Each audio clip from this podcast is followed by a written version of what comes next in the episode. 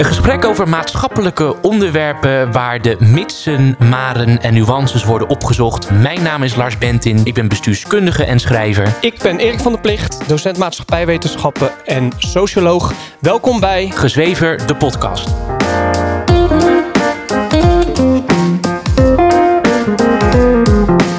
Om de verzorgingsstaat in stand te houden is arbeid en werk nodig. Ja, Dus nu komen we tegen een, eigenlijk een paradox aan. We Ja. lopen tegen een paradox aan. We willen, we willen dat, zoveel mogelijk vrijheid in ons handelen. Maar Ja.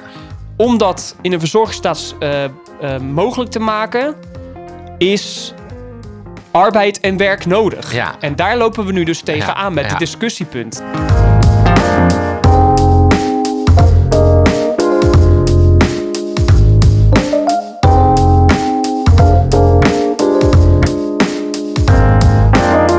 Goeiedag dames en heren, welkom terug bij een nieuwe aflevering van Gezweven de podcast. goeiedag is het, een goede ochtend is het nog. Ja, we zijn er weer. We zouden eigenlijk vorige week alweer met een nieuwe aflevering komen. Het heeft allemaal wat uitgelopen vanwege allerhande redenen. We zitten vandaag ook nu bij jou thuis. Ja, klopt. In plaats van bij mij thuis, omdat het bij mij op de gang zijn ze aan het renoveren. En dus om de herrie te ontlopen zijn we naar jou gegaan. Maar nu zijn ze bij hier buiten op straat ook bezig. Dus het kan zijn dat onze luisteraars eh, wat bijgeluiden horen. Dus Ja. dan weten jullie waar het vandaan komt. Ja. Nou, welkom terug. Leuk, ik heb er weer heel erg veel zin in. Vandaag gaan we het ehm, namelijk hebben over de rol van werk in onze maatschappij. Ja, klopt. Ja, ja. En de centrale vraag daarbij is: voor wie werk je eigenlijk? Voor wie zou je moeten werken? Werk je voor jezelf of werk je ook voor, voor de maatschappij en het Ja. in stand houden van het collectieve systeem? ja, klopt. Daar eh, gaan we het vandaag over hebben en er komt van alles langs. We gaan, eh, jij gaat straks eerst even uiteenzetten hoe de arbeidsmarkt er op dit moment in Nederland uitziet. Ja, Qua deeltijdwerk ook vooral. Klopt, ja. Aan de hand van een artikel van Sander Schimmelpenning. Ja. We gaan het hebben over het onderscheid tussen werk en arbeid en handelen van Hannah Arendt. Jij haalt Friedrich Hayek aan. ja, klopt. Dus het eh, ja, wordt een leuke aflevering. Ja, voordat we daar eh, mee verder gaan, Ja. even een reactie van een van de luisteraars. Dat is op YouTube. Eh, je kan onze aflevering ook op YouTube bekijken Ja. en luisteren. Abonneer je vooral eh, op ons kanaal. Ehm, dat is Alexander Breston. Of Breston, ik weet ik, ik doe het gelijk Frans, maar ik Ja. weet niet of, hoe je het moet uitspreken. Ehm, en heeft gereageerd op de aflevering waarom mensen afhaken in onze democratie. Dat was ons gesprek met Marieke Abrahamsen. Ja, van de VVD Rotterdam. Ja, en die had gereageerd met democratie. Politiek is als een vogel, een linker en een rechtervleugel, maar de vogel vliegt zijn eigen weg. Ik heb erop gereageerd of hij daar concreet mee bedoelt, want ik vond het een heel erg mooi eh, metafoor. Dus ik vroeg broeide mee dat de democratie niet te sturen is. En hij reageerde met: er is geen democratie. Alles staat al vast. Het politieke systeem werkt als een batterij. Het mainstream geluid, dat is de pluspol, versus het tegengeluid, dat is de minpol. Het duwt het volk in één richting, dat is dan de stroom die eruit voortkomt, via het spannings, eh, spanningsverschil tussen het mainstream geluid en het tegengeluid. Er is een natuurwet, these en antithese, en dat leidt altijd tot synthese. Zonder tegengeluid staat het systeem stil. Enige manier is het systeem de rug toekeren, want protesteren bijvoorbeeld zet het these-antithese-mechanisme in werking. Hij noemt het eh, de Hegeliaanse dialectiek. Dat is ook zo, these-antithese. Ja. Eh, we gaan één richting op als Ja. samenleving. Ja. Eh, van Hegel. En hij zegt, de mens was eerst en alles wat volgt dient de mens te dienen. Doet het dat niet, dan heeft het geen plek op aarde. En hij noemt als voorbeeld dan geld. En dan vond ik een hele mooie reactie van, van Alexander. Ja, sowieso heel erg leuk dat hij de aflevering beluisterd heeft. Dat hij ook zo inhoudelijk reageert. zeker, zeker. Waarderen wij heel erg. Ja, en het schijnt ook een licht op een, een, ja, een andere visie. eh, op, eh, ja, hebben wij als samenleving een vrije wil? Of ja, ja, zitten wij vast in een, Ja. een ontwikkeling waar we niet uit kunnen Ja. komen? Ja, precies. Dus dit is een heel erg eh, deterministisch eh, beeld Ja. op de maatschappij. Ja. Dat we sowieso een kant op gaan, Ja. eh, ongeacht welk systeem daar dan voor wordt gebruikt, als het ware. Ja, dus ik wil eh, Alexander Breston bedanken. Zeker. En eh, de luisteraars, eh, je kunnen altijd reageren. Wij reageren altijd en we bespreken elke aflevering een, eh, een reactie van een, van een luisteraar. Ja. Dus doe het vooral en abonneer je op al onze kanalen. Ja, zeker. Nou, Lars, vertel. Ja, Aanleiding van de aflevering. Aanleiding van de aflevering. Er is een artikel van Sander Schimmelpenning. Nou, eigenlijk zou ik willen zeggen een, een, een combinatie van reacties van Sander Schimmelpenning. Ja. Hij vindt het zelf eh, niet helemaal prettig, maar hij wordt, zijn naam wordt in verbinding, eh, in verband gelegd met de kritiek op het parttime werken. ja, mensen die eh, niet fulltime werken, dus 32, 24 uur, drie of vier dagen in de week in plaats van vijf. En hij heeft daar heel veel kritiek op. zeker omdat de arbeidsmarkt gewoon heel erg krap is. Ehm, er is heel veel behoefte aan meer mensen op de arbeidsmarkt. Maar ja, er zijn gewoon weinig mensen op de arbeidsmarkt. ja. Eh, en Ze zoeken ook, je ziet, het, je ziet het als je op straat loopt, hoef je maar rond te kijken. Ze zoeken echt overal mensen. ja, klopt. Als, Eh, je nu, als je nu ook geen werk hebt, is dat bijna een keuze. ja, ja, inderdaad. ja, Tenzij, er klopt. zijn natuurlijk uitzonderingen, maar eh, Ja, ja. klopt. Ja, ja. Eh, met eh, misschien het meest concrete voorbeeld natuurlijk de NS, die eh, steeds maar meer Ja. eh, de dienst, eh, eh, de dienst, regelingen. de dienstregeling eh, verandert omdat ja. ze te weinig mensen ja, hebben. precies. Conducteurs, eh Ja. et cetera. En eh Sander Schimmelpenning die focust zich op één aspect van het probleem en dat is het parttime werken. Ja. Eh, hij stelt dat als eh, de meeste mensen die nu parttime werken, als die fulltime werken, dan eh, is het probleem opgelost. En dan eh, eh, hebben we een verzadigde arbeidsmarkt, zoals hij dat dan, eh, zoals hij dat dan noemt.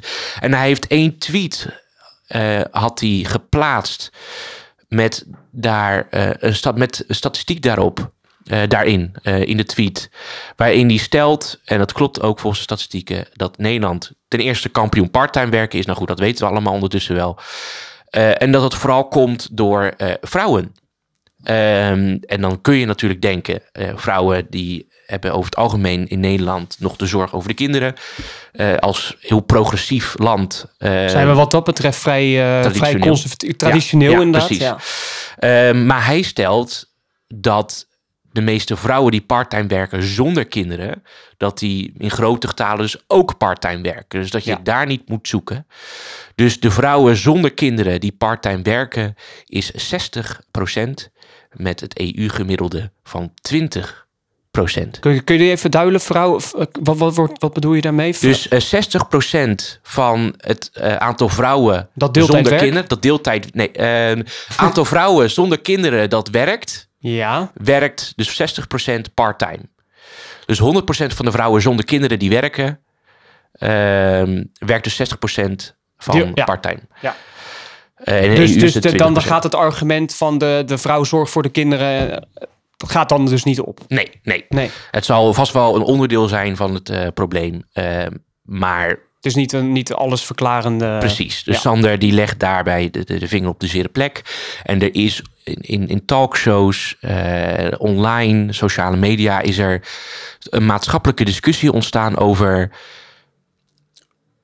wanneer kies je ervoor om deeltijd te werken en is dat ethisch of niet? Eh, hebben wij niet als plicht om fulltime te werken? Eh, omdat, zoals Sander Schimmelpenning ook stelt in een interview bij NPO Radio 1, anders onze verzorgingsmaatschappij gewoon niet kan blijven bestaan. Nee, precies. De staat heeft meer inkomsten nodig Ja. om de groeiende zorgkosten Ja. te bekostigen. Eh, en onze sociale zekerheid in stand te houden. Eh, en dat kan alleen als de parttimers fulltimers gaan worden. Ja. Dus dan krijg je dus een, een fundamentele discussie over de vrijheid van mensen om te kiezen om parttime te werken eh, of niet. ja. En dan Die, en, en die discussie is überhaupt alleen mogelijk in een land wat een verzorgingsstaat is natuurlijk. Ja, klopt. Ja. Omdat het- we een verzorgingsstaat hebben, is het voor heel veel mensen mogelijk om parttime te werken. Maar als Ja, steeds klopt. meer mensen parttime gaan werken, is de verzorgingsstaat niet meer mogelijk. Nee, klopt. Ja, Eh, dat is zeker waar. Dus de- bij mij kwam toen de vraag op: eh, wat, wat is de rol van werk eigenlijk Ja. in, onze, in onze maatschappij? Eh, of wat zou die moeten zijn? wat zou die moeten zijn? Ja, Omdat we nu best wel op een, op een, ja, een omslagpunt zitten. Want er wordt nu al geëxperimenteerd met een voltijdsbonus. ja ik, eh, in het onderwijs. Ja, in het onderwijs. Ik weet niet of jij daar gebruik van gaat maken. nou maar... ja, ik werk nu dus deeltijd. ja, ja. Ehm, en als het dan straks een voltijdsbonus komt, nou ja, dat is, wel, dat is meteen weer een andere discussie, omdat het ervan uitgaat dat mensen in het onderwijs deeltijd werken omdat ze niet genoeg verdienen.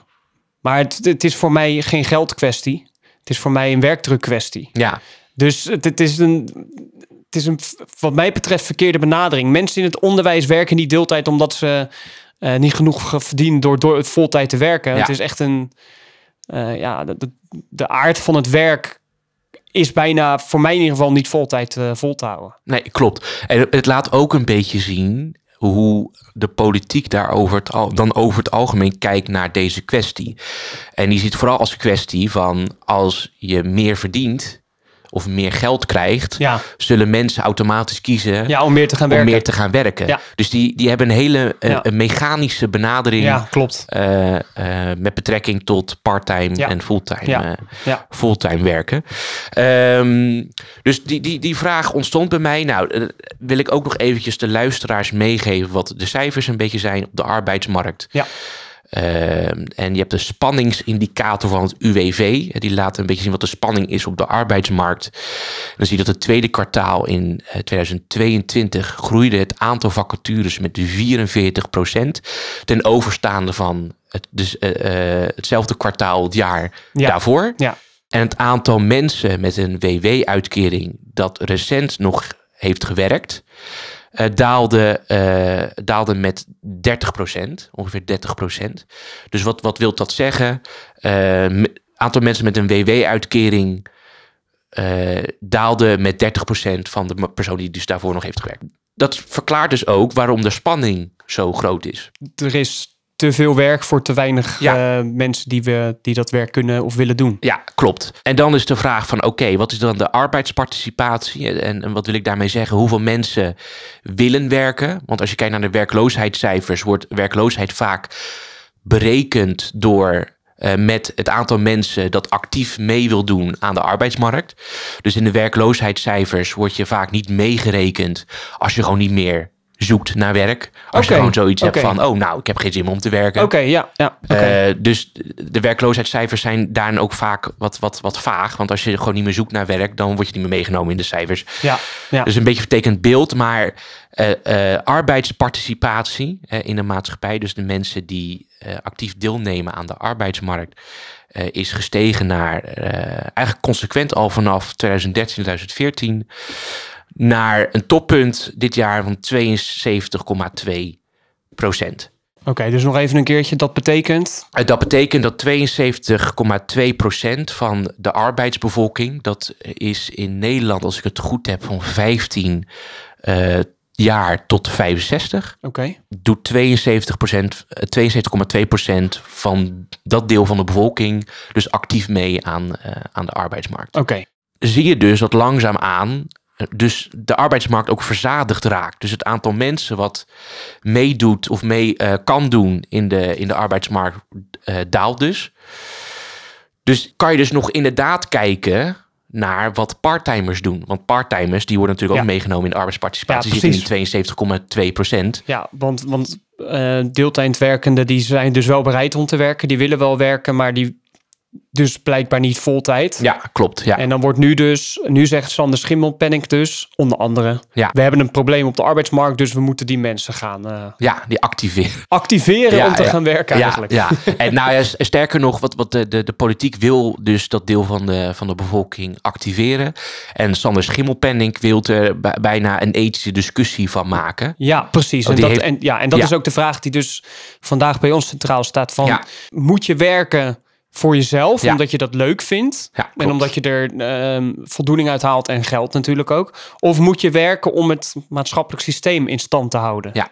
Ja, dus dat, eh, dat wordt eigenlijk het gesprek van, eh, van vandaag. Eh, want ik werd vooral getriggerd door de uitspraak van Sander Schimmelpenning dat deeltijdwerken een luxe is. Ja.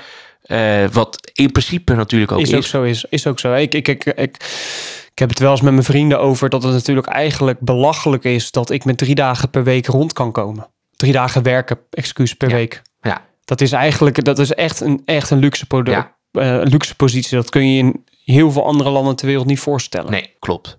Maar goed, wel terzijde gesteld dat je ook gewoon een beetje normaal doet en niet vijf keer per jaar op vakantie gaat Dat en is zo. Dat zo, je let ja. op, je, Ja. op je uitgaven. Ja. Eh, maar het klopt, ja, je kan in je basisbehoeften voorzien. Je kan nog steeds leuke dingen doen. Eh, dus ja, met drie dagen dat, je, ja, dat dat kan, dat is inderdaad best wel bijzonder. Ja. Nou, oké, ehm, duidelijk. En laten we dan, ehm, tenminste, ik neem aan dat je Ja. hier nu alles over hebt gezegd. Laten we dan nu ingaan op de, op de vraag: wat is werk eigenlijk? En daar ehm, halen we Hannah Arendt eh, voor aan. Die Ja. heeft het boek geschreven in 1958 al. Eh, de menselijke conditie, The Human Condition. En daar maakt ze eigenlijk onderscheid tussen eh, drie onderdelen van het menselijk le- leven. Ja. Arbeid, werk en handelen. Ja. En laten we eerst eventjes op arbeid ingaan. Wat is arbeid? Volgens Arendt is arbeid de, die taken die je moet vervullen om in je biologische Behoefte te voorzien. behoeften te voorzien. Dankjewel. En arbeid is dus het, het verbouwen van eten, het koken van eten, maar ook eh, en vooral de- eigenlijk alle taken die in het huishouden plaatsvinden. Ja. En dat is ook eh, gelijk eh, interessant. Is economie komt van het Grieks, Griekse woord oikos. En oikos betekent huishouden. Ja. Dus als je maar denkt aan een huishouden, dat is in zekere zin ook natuurlijk een economie. Hè? Vooral denk maar zoals je een keertje een verjaardag moet organiseren of wat dan ook.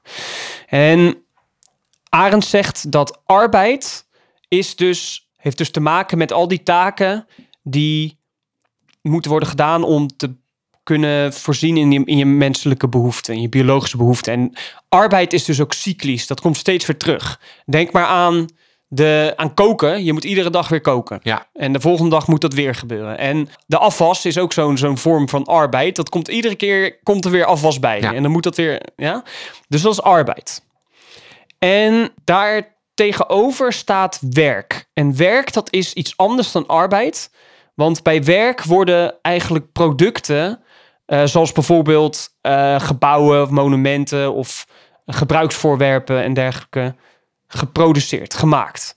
En werk is dus niet cyclisch, zoals bij arbeid, maar lineair. Ja. Het heeft een begin en een eind. Ja. En bij werk wordt dus iets gecreëerd wat vervolgens in de wereld gebruikt kan worden. En in ons, in, in ons taalgebruik hebben we het, in onze taal hebben we het natuurlijk wel vaker. We gebruiken vaak arbeid en werk. Ja. Maar vaak wordt ook hetzelfde bedoeld, maar het Ja. heeft wel degelijk een andere connotatie. Want als je bijvoorbeeld denkt aan fabrieksarbeid, dat, er, dat rekende Arend dus niet onder werk. Want fabrieksarbeid is eigenlijk is een, een ziek, oneindige opeenstapeling van, van taken. En hoe meer Ja. taken je doet, dat maakt niet uit. Er komen altijd meer taken bij. Dus Ja. als, we aan een lopende band staan bijvoorbeeld. Het is ook een, een, afhankelijk van je persoonlijke eh, perceptie van je, van je baan. Want je hebt natuurlijk in, Correct. in de, in de meme-cultuur, of überhaupt eh, in de weergave van, van, van arbeid of, of werk, heb je natuurlijk het, het, het stereotype beeld van een 9-to-5 job, waarin Ja. eigenlijk vanaf je 18e tot je 65e elke dag maar weer hetzelfde doet. Ja, eh, dat wordt dan dus afge- afgebeeld als arbeid. Ja, klopt. Ja. En er zijn natuurlijk, er zijn natuurlijk kantoorbanen of alle andere, allerhande soorten banen die meer weg hebben van arbeid dan van werk. Ja. Ehm, jij bent schrijver. Ja. Wat jij doet als schrijver is echt werk. Je, het heeft een begin en een eind en dan heb je iets geproduceerd. Dan Ja. heb je iets wat ook gebruikt kan worden. Maar ook arbeid. Het, ja, Ja, ja, als ik kijk naar, zoals ik net bedoel, ook met, met je persoonlijke perceptie of wat je doet. Er zijn ook gewoon dingen die ik elke week moet doen. Ja, Hè, als het gaat om persberichten schrijven, als het gaat om sociale media, et cetera. Ehm, ja, dan, dan, dan is dat gewoon een, een cyclus wat zich elke week weer herhaalt. ja, Dus ook binnen je baan kan je een arbeidsaspect hebben correct. En een werkaspect. Ja, Ja, ja. en de, de meeste mensen hebben in hun werk geen zin in arbeidstaken. Maar het, werk vinden ze wel Ja. leuker. Oké. Arbeid en werk. En het derde aspect van het menselijk, eh, van de mens, eh, volgens Arendt, is handelen. Handelen wordt door Arendt als de hoogste menselijke activiteit gezien. En in handelen eh, geeft de mens uitdrukking naar anderen toe van hun eigen uniek zijn en van hun eigen persoonlijkheid en talenten. Ja. Dus bij handelen treden we naar de buitenwereld toe en openbaren we onszelf aan de buitenwereld. Ja. En waarom zeg ik treden we naar de buitenwereld toe? Omdat arbeid volgens Arendt zich vooral afspeelt in de privésfeer. Dus in de oikos, in het huis houden. Werk sp- treedt zich, is, werk is ook nog in zekere zin een vrij eenzaam, een eenzame activiteit. Jij bent degene die iets produceert in je eentje. Je kunt wel in een team werken waar eh, mensen allemaal gez- gezamenlijk iets produceren, maar het is toch nog steeds een vrij eenzame activiteit. Ja. Maar bij handelen komen, komen, komen mensen echt tot elkaar en brengen ze hun eigen, hun eigen persoonlijkheid in ehm, de wereld in. En dat, de- dat delen ze met anderen. eh, om vervolgens daaruit eh, iets te, te, te, te creëren, als het ware. En eh, ja, Een vorm van, van zingeving en identiteitsvormen. Correct. Vorming. Correct, correct. En handelen ehm, voltrekt zich volgens Arendt in de publieke ruimte, die mensen met elkaar vormen. En een vorm daarvan is dus bijvoorbeeld politiek bedrijven. En wat je tegenwoordig ziet, is dat men wil geen arbeid meer doen. In onze maatschappij, in onze westerse Nederlandse verzorgingsmaatschappij. Mensen willen wel werken, willen wel een, een baan hebben. Maar dan willen ze het liefst een werk hebben waar ze zoveel mogelijk in kunnen handelen. Ja. Zoveel mogelijk hun zichzelf erin kun, kwijt kunnen. En hun eigen vrijheid en dergelijke eh, eh, kwijt kunnen. Ja. Maar het grootste deel van handelen vindt, denk ik, toch plaats buiten je baan. Ja. Op de momenten dat je niet aan het werk bent, maar dus aan het handelen bent. En dat is dus, gaat dus niet samen als je van 9 tot 5 iedere dag moet werken. Ja. En ik denk dat we hier tegen een probleem, een probleem tussen aanhalingstekens, dat gaan we nu bekijken of dat Ja. een probleem is, tegen een probleem aanlopen in onze verzorgingsmaatschappij omdat onze verzorgingsmaatschappij erop gericht is dat zoveel mogelijk mensen kunnen handelen.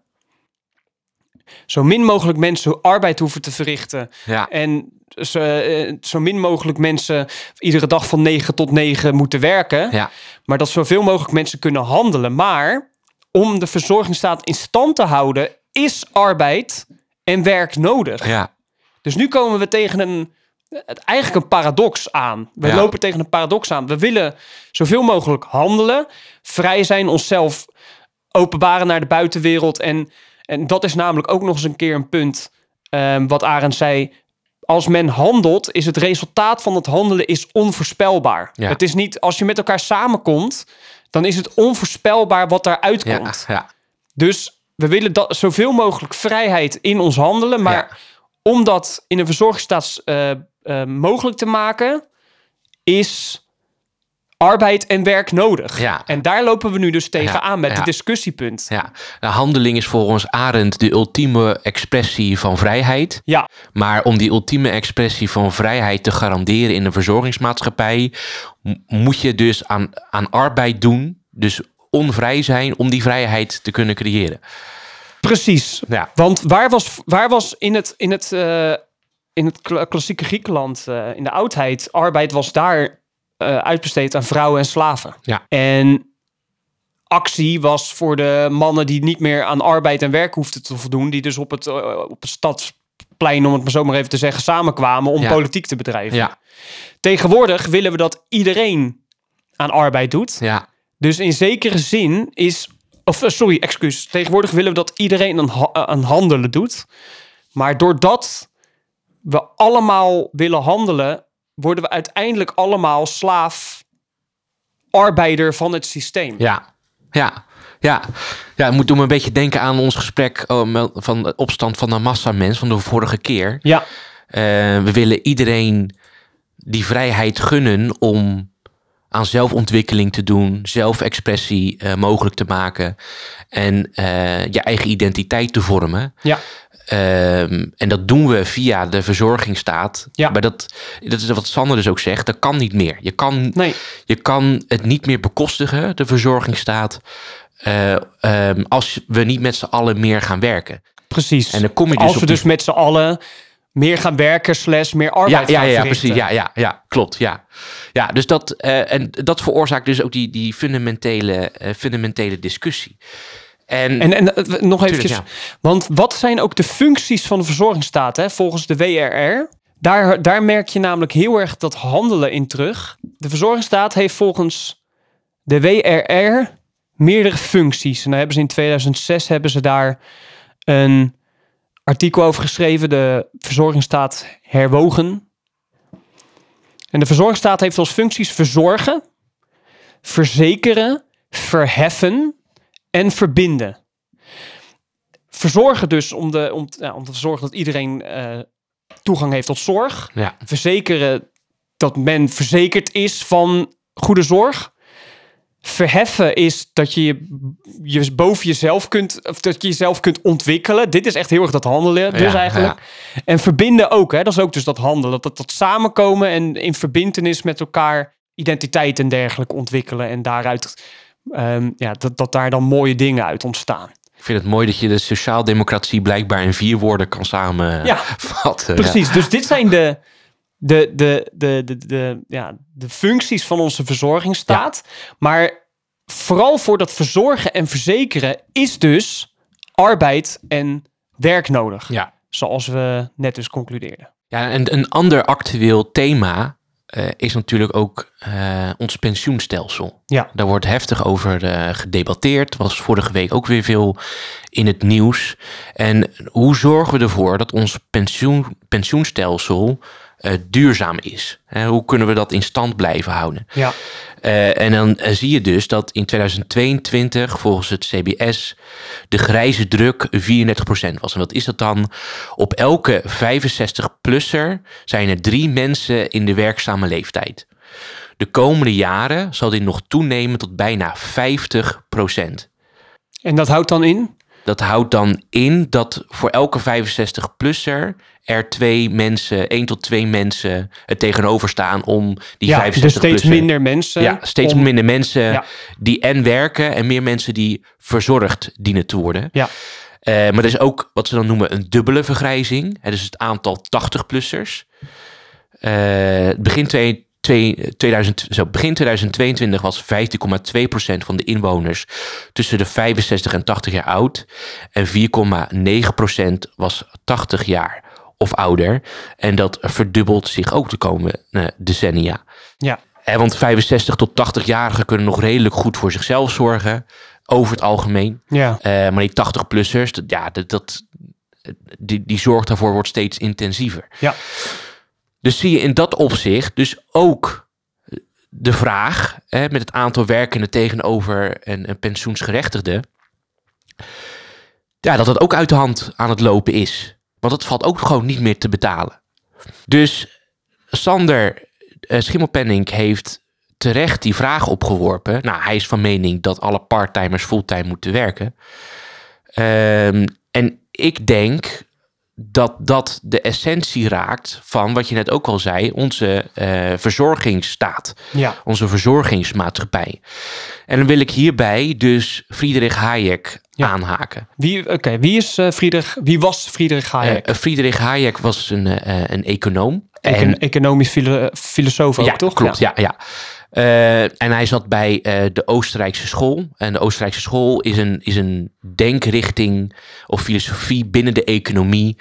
dat je kan verbinden aan het eh, klassiek liberalisme. Hè, Ja. dus eh, de vrije markt, laissez-faire, kapitalisme. Heel erg een bottom-up benadering van de Ja. economie. Klopt, ja. Ja. Friedrich Hayek heeft een, een, een boek geschreven dat heet De Weg naar Slavernij. Dat hebben we net al even aangeraakt. Kort aangeraakt. Ja, met arbeid in de, in, de, in de Griekse oudheid. En wat heeft hij daarin geschreven? De weg naar slavernij. Heeft hij opgeschreven dat een collectivistisch stelsel, ons collectief stelsel, dat tot uiting komt in onze verzorgingsstaat, eh, onze sociale zekerheid bijvoorbeeld, en ons pensioenstelsel en ons collectieve zorgstelsel, eh, heeft, zal uiteindelijk als uiting hebben dat elk individu in de maatschappij onderworpen zal worden aan eh, de collectieve wil en de collectieve verlangens. Ehm, en dat zie je in deze discussie duidelijk naar voren komen. Want wat Sander zegt is: oké, nou ja, weet je, parttime werken is een, is een luxe. eh, eh, eigenlijk gecreëerd door onze verzorgingsstaat, inderdaad. Ja, Ehm, maar om die verzorgingsstaat dus in stand te blijven, in stand te laten houden, moet je dus meer gaan werken.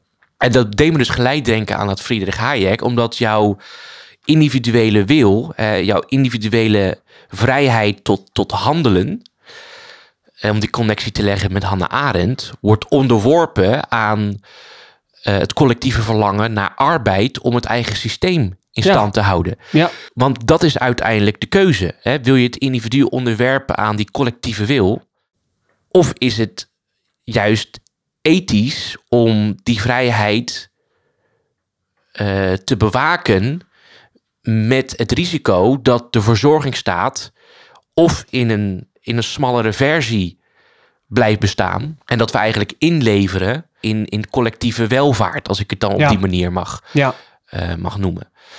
Ehm, want waar, waarom zeg ik dit? Friedrich Hayek stelde dus eigenlijk een puur kapitalistisch stelsel voor, waarin iedereen moest werken naar eigen behoeften. Eh, dus waar we het net ook over gehad eh, hebben. Iedereen mag werken naar eigen behoeften. Jij mag dus gewoon drie dagen per week werken als je gewoon in je baasbehoeften kan voorzien en je wilt ja. in die twee of of drie, vier andere dagen andere dingen gaan doen.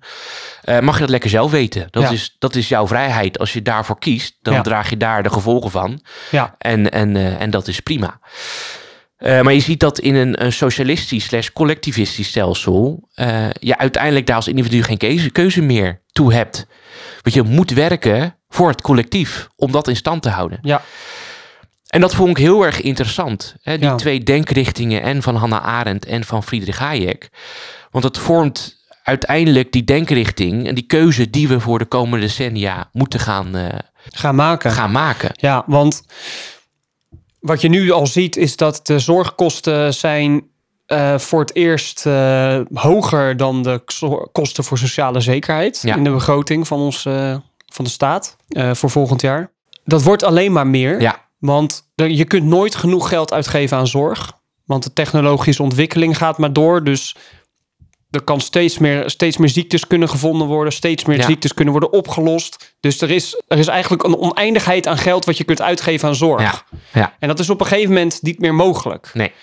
Dus, ja, dus dan komen we inderdaad op de, op, op de vraag van wat moeten we daar nou als maatschappij mee? Ja, Gaan we, wat, wat, wat, wat gaan we, wat is het belangrijkste in de maatschappij wat het collectief moet opvangen? ja, Is dat verzorgen, verzekeren? Dat zijn al twee hele kostbare posten, maar Ja. dat kan je met elkaar natuurlijk besluiten van we gaan verzorgen en verzekeren doen. ja, Maar dat gaat dan, dan moet je inleveren op verheffen en Ja. wellicht ook verbinden. ja, ja. En als je je als maatschappij gaat richten op verheffen en verbinden, dat kan, maar dan kunnen verzorgen en verzekeren niet meer zoals dat nu gaat. Ik, ik denk zelfs dat je het scherp kan stellen door te zeggen dat zelfs het verzorgen en verzekeren überhaupt op een gegeven moment onbetaalbaar wordt. Want dat is de angst natuurlijk tegenwoordig dat, dat verzorgen en verzekeren, dus onze sociale zekerheid en zeker onze zorg, als een soort, eh, is dat nou een koekoekskuiken, wat uiteindelijk het eten opvreet Ja, van eh, de broeders en zusters. Eh, nee, het koekoeks, eh, koekoekskuiken wordt in een ander nestje gelegd. En die eten dus het voedsel op van de andere kuikens van die vogel. ja, Ehm, en dat is een beetje een metafoor wat vaak wordt gebruikt. Uiteindelijk zorgt de zorgkosten ervoor en de kosten voor onze sociale zekerheid... dat alle andere kosten Ja. voor onze Ja, sociale, eh, onze verzorgingsstaat ja, worden weggedrukt. ja, Dus ik wil jou juist scherper stellen dat ook het verzorgen en verzekeren uiteindelijk ook onbetaalbaar wordt. Omdat er een oneindige vraag is. ja ten, Naar- ten, tenzij dus alle andere functies vervallen en men terugvalt in een, terugvalt, ik zeg terugvalt, dat, dat de maatschappij weer vooral gaat bestaan aan, aan- uit mensen die arbeid en werk verrichten. Ja, ja, ja klopt. Ja. En dus Ja, geen, klopt. geen ruimte meer voor handelen. Nee, klopt. Ja, nee, Dan, dat- kan, dan zou dat kunnen. Ja. Dan zou dat in zekere zin kunnen. Ik, eh, want dan is er heel veel kapitaal natuurlijk beschikbaar voor de zorg ja, en het verzekeren. Maar de vraag is, wil je dat? Ja, Want dan word je dus in zekere zin een slaaf van het systeem. ja, klopt. En dat is het, uh, waarschijnlijk heeft die titel daar ook te maken van, Ja, uh, van klopt. Hayek. Ja, Want wat- ja, waar staat ja. die titel voor? De, de weg naar, wat, wat was het? Eh, De weg naar slavernij. De weg naar slavernij? Ja, ja. Wat bedoelde hij daar- daarmee? Nou, wat jij gewoon eigenlijk net gewoon concreet hebt gezegd. Je wordt als individu slaaf van het collectieve stelsel. Ja, Dus je leeft niet meer voor jezelf. nee, je, maar je, je, leeft je voor kan het niet meer handelen. Nee, ja, Je kunt niet meer handelen, maar je moet eigenlijk dus inderdaad precies wat ik net Ja. dus zei. ja, Arbeid en werk Ja. verrichten. En met een beetje geluk werk, maar vooral arbeid. ja. En dus het is niet alleen eh, in economische zin, maar wat je dus ook als, als de zorg om eh, de zorg als nog een keer als voorbeeld te gebruiken. ehm, wordt natuurlijk ook steeds vaker gezegd, we hadden het het laatste over, dat omdat de zorg langzaamaan onbetaalbaar wordt, dat mensen ineens naar elkaar gaan kijken welk levensstijl Ja. dus wel of niet eh, vergoed dient te worden. Precies. En je ja. hoort ook steeds vaker van, eh, eh, nou, als je dik bent, eh, moet je dan wel eh zorgvergoed krijgen. Ja. Tenzij je dus gaat afvallen. Ja. Als je rookt, moet je dan wel de, de, de zorg vergoed krijgen. Dan moet je maar stoppen met roken. En dat is dan als voorwaarde dat je dan weer mee mag doen in het collectieve stelsel. Nou, dat, dat is nu, is dat, wordt dat vaak opgeworpen binnen discussie. Maar ik zie dat eigenlijk als bijna een soort voorwendsel van waar wij Naartoe naar, kunnen gaan. Naartoe kunnen gaan. En dan zie je dus, eh, het is een zwaar woord, dat weet ik, maar uiteindelijk kan het dus totalitaire trekjes hebben. Ja, dit sluit heel erg aan bij wat je de vorige aflevering eh, zei over de schaduwzijde van de democratie. Ja. Was dat de vorige aflevering? Nee, Ja, eh, ja dat klopt. Ja. nee de laatste was toch Oh, ja, signaling. Is Nee, de- die ja, over de schaduwzijde van de democratie. keer daarvoor, ja. Ehm, met Ortega y Gasset, Ja. die precies dit zegt. Ja, Ja. ja. ja en, en wat Ortega y Gasset natuurlijk ook gezegd heeft, dat, dat is eigenlijk het volgende wat ik daarbij wil aanraken. Dus we hebben het net gehad over eh, hoe je als individu slaaf kan worden van het systeem. Ja. Ehm, daarvoor hebben we eventjes aangeraakt de vraag van wat moeten we hiermee? En Ja. met die, die, die, die, die T-splitsing. Ja. En wat Ortega Gasset goed aanraakt is... als je die welvaart en die luxe vergaard hebt als maatschappij... wil de massa niet inleveren. Nee, Dus ik stel nu de vraag, wat moeten we hiermee? Maar ik denk dat vrijwel zeker vaststaat dat wij als maatschappij niet willen inleveren als het gaat om onze verzorgingsstaat. ja. Dat, dat- dat is... ehm, in de economie wordt dat loss aversion genoemd. Eh, Wil je die uitleggen? Ja, loss aversion is een concept uit de economie. En in het Nederlands is het verliesaversie.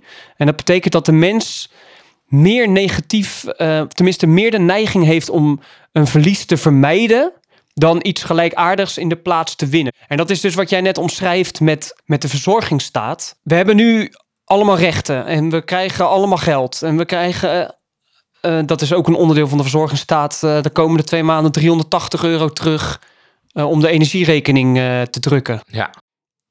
Dat krijgen we nu. En daar ervaar, dat, vinden we allemaal heel erg fijn. Maar wat we nog erger vinden is om dat vervolgens weer te verliezen. Ja. En dat zie je dus in de verzorgingsstaat. De verzorgingsstaat afbouwen is.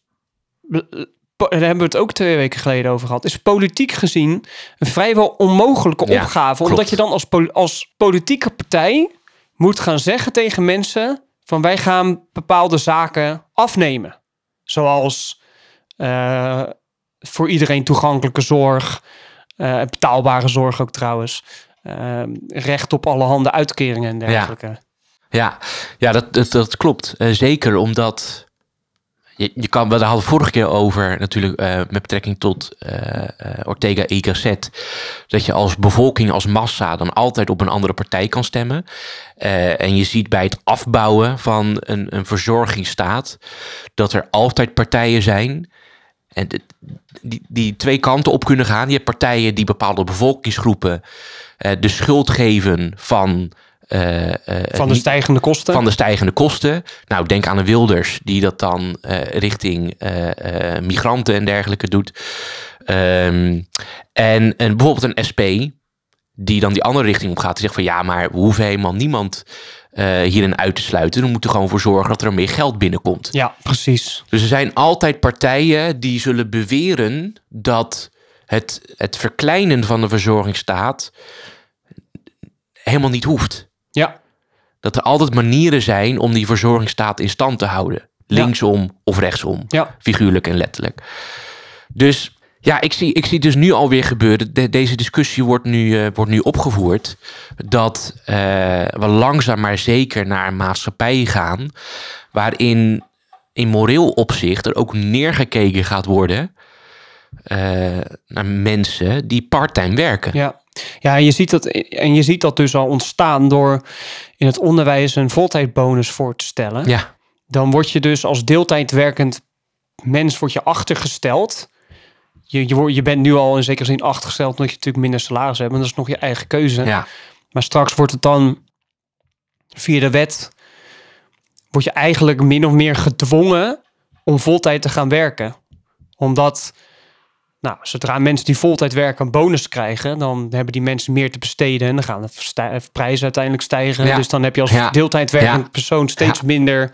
Ja, dan vindt dus eigenlijk inflatie plaats. ja, ja, grappig dat je het, want daar had ik inderdaad helemaal nog niet over nagedacht. Nee, dus je wordt met zo'n voorstel, word je dus eigenlijk op de lange termijn al gedwongen om voltijd te gaan werken, om zo dus maar het systeem in stand te houden. Klopt, ja. Dus, en, nou ja, dus we begonnen deze aflevering over met de vraag: voor wie werk je en zou je moeten werken om het systeem in, hand, in, in stand te houden? Heb je daar een soort morele verplichting toe?